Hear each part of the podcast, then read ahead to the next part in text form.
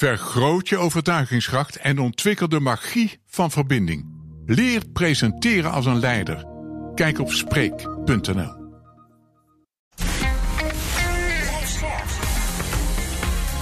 BNR Nieuwsradio. Boekenstein en de Wijk. Hugo Reitsma. Dit is een extra uitzending van Boekenstein en de Wijk in verband met de oorlog in Oekraïne en de crisis met Rusland. Het is dinsdag, dag 76 van de invasie. Arjan, wat heb jij? Nou, laten we even beginnen met. Er zit een 20 minuten interview met de oude Kissinger.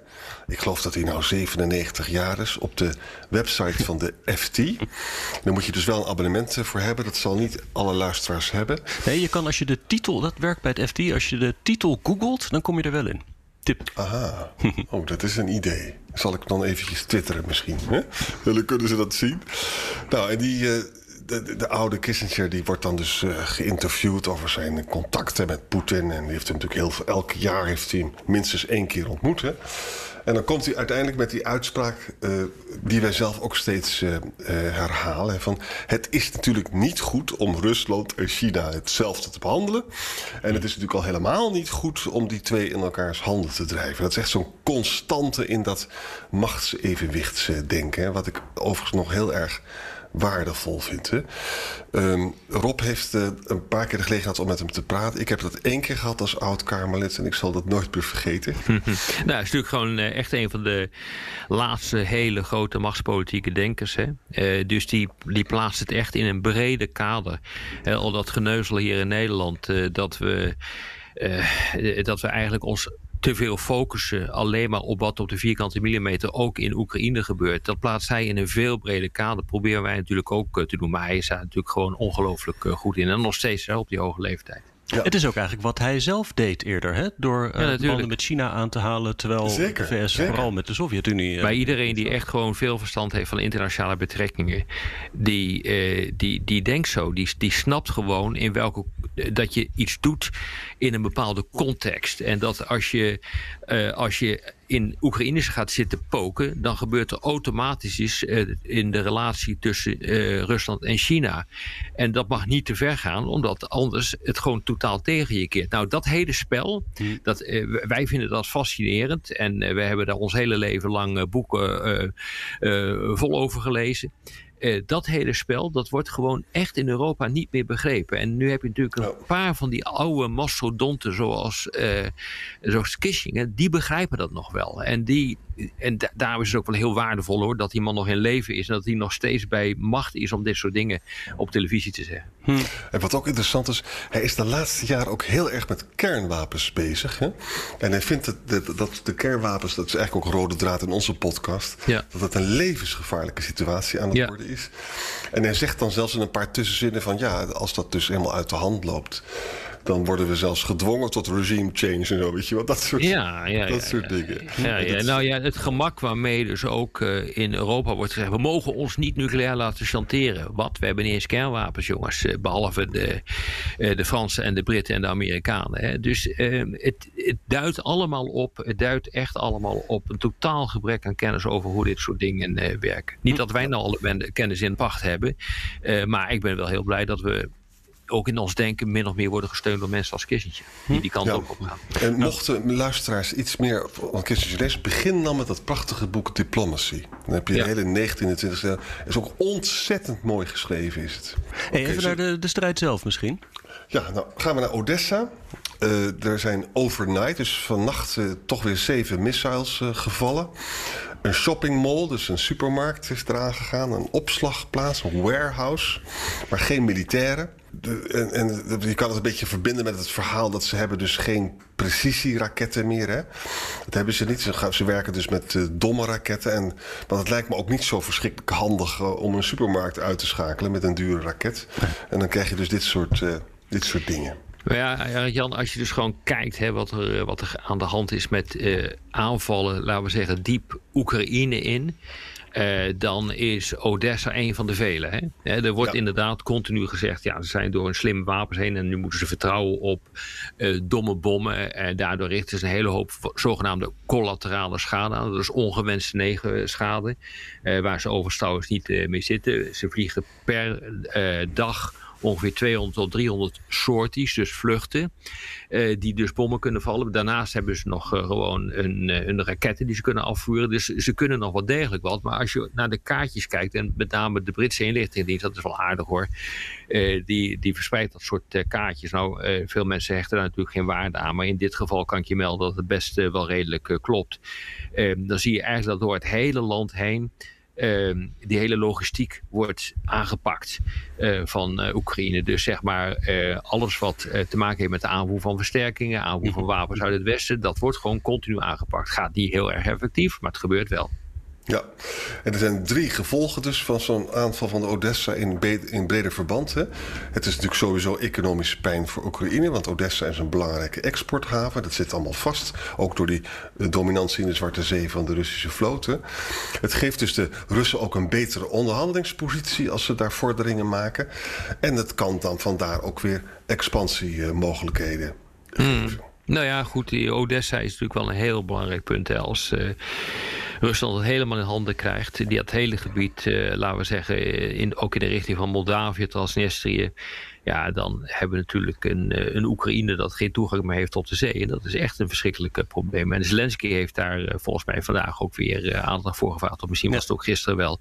van kunnen we die havens niet gewoon gaan gebruiken? Want we moeten ook zorgen dat de opslag uh, van graan, dat dat wordt afgevoerd. Want anders uh, dragen we ook bij aan een wereldwijde voedselcrisis. Nou ja, dat klopt ook wel. Dat is ook zo. Dat dragen we ook aan bij. Zeker. Hey, ik had nog een vraag die ook aansloot op wat jullie noemden over die, uh, de havens. Mm -hmm. En de export van graan vanuit Oekraïne belangrijk.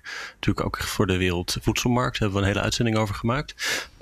Paulus Porselen vanaf zijn werkaccount, omdat hij zelf niet op Twitter zit. Ik zie dat je voor uh, vintage en antiek porselein moet je bij hem zijn.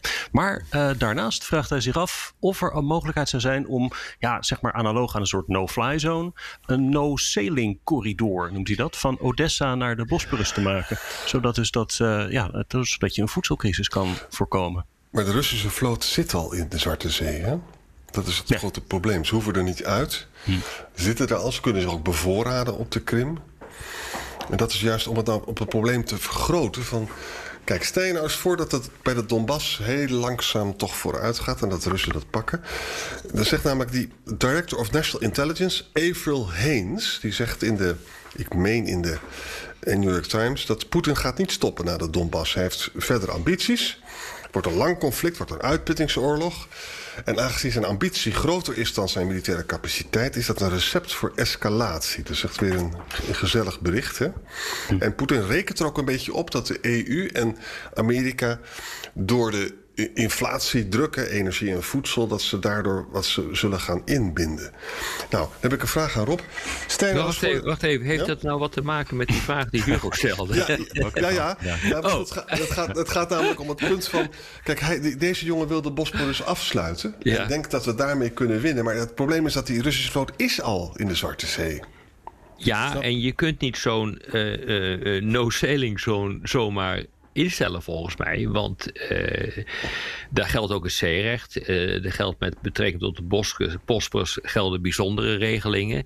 Je hebt helemaal gelijk wanneer je constateert dat die Russische schepen er al zijn. Die Russische oorlogsschepen al, er al zijn. Amerikaanse ja. oorlogsschepen kunnen niet zomaar nu door de Bosporus uh, varen. Hm. Dus het wordt wel heel erg lastig. Dat krijg je niet voor elkaar. Dat moet je dus afdwingen.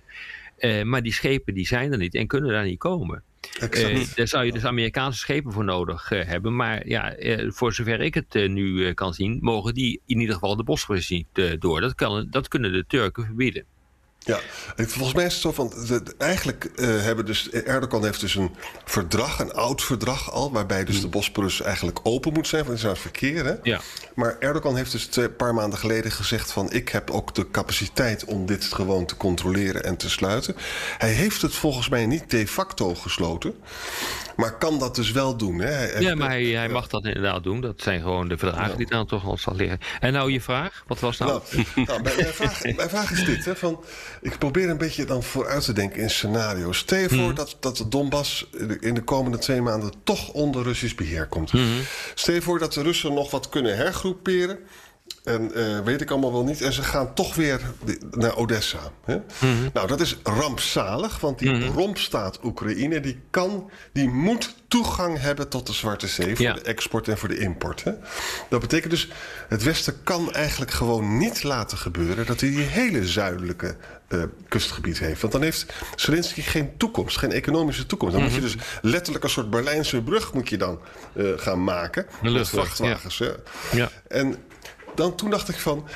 Ja, dan komt natuurlijk in het Westen weer de druk wordt dan verhoogd. Dan gaan we allemaal dingen bedenken hoe we toch nog verder uh, de Oekraïners kunnen helpen. Ja, kijk, weet je, het, het hele punt is... Hè, stel je voor inderdaad dat uh, Rusland de Donbass in handen krijgt... en uh, daarmee een enorm succes gaat claimen.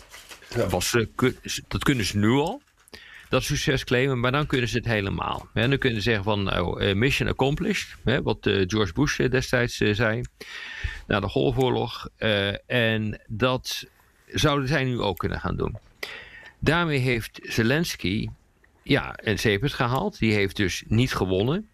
En de grote vraag is wat dan ja, de Verenigde Staten gaat doen. We weten uit de geschiedenis dat je dit soort ehm, conflicten alleen maar op de grond kunt winnen. dus uh, sancties die werken onvoldoende om een overwinning mogelijk te maken. Wapenleverantie geldt het ook voor. Je moet gewoon echt uiteindelijk, ja, gewoon moet je vechten. Dat gaan de Amerikanen waarschijnlijk niet doen, voor zover ik dat nu kan, kan inschatten. er is geen artikel 5 garantie. Uh, ten aanzien van, uh, van Oekraïne. Er is geen uh, lidmaatschap in het, verzit, in het verschiet van Oekraïne van de NAVO. dan wordt er natuurlijk een of andere constructie bedacht. waardoor de rompstaat Oekraïne toch wordt opgenomen in het ja, in, in, in, in, in de Europese familie van volkeren. Macron die heeft daar feitelijk ook al op gewezen dat hij dat zou willen doen. Ja, en wat je dan gaat doen, is eh, denk ik eh, precies wat je zegt. Met vrachtwagens en met vliegtuigen ga je gewoon eh, proberen om de hele export uit, uit Oekraïne op gang te krijgen.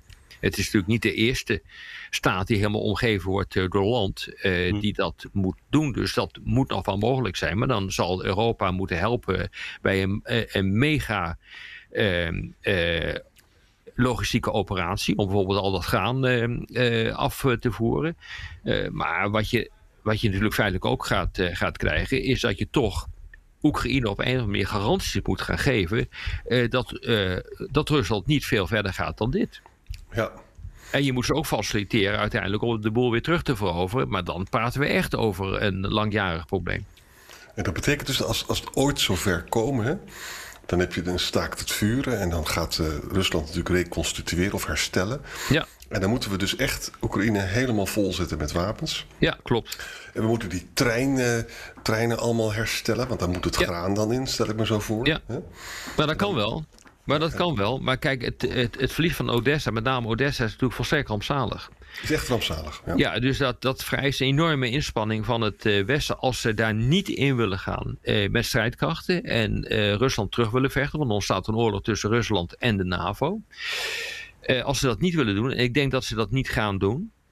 omdat uiteindelijk, ja, Oekraïne is heel erg belangrijk. Maar het is geen vitaal belang voor de NAVO. En vitaal belang is dus een belang uh, dat je moet verdedigen, omdat anders je eigen leven op het spel staat. Dat is niet het geval met Oekraïne. Ja, dan moet je dat dus op een andere manier uh, regelen. En dan moet je, precies wat je zegt, ook dat land volplempen met wapens, zodat uh, Poetin niet nog verder kan gaan. Ja. Ja. hey, ik bedank jullie weer voor vandaag. Ja, tot morgen. Tot morgen, jongens. Overwin voor eens en voor altijd spreekangst. Volg de masterclass Spreekangst. Kijk op Spreek. Spreek.nl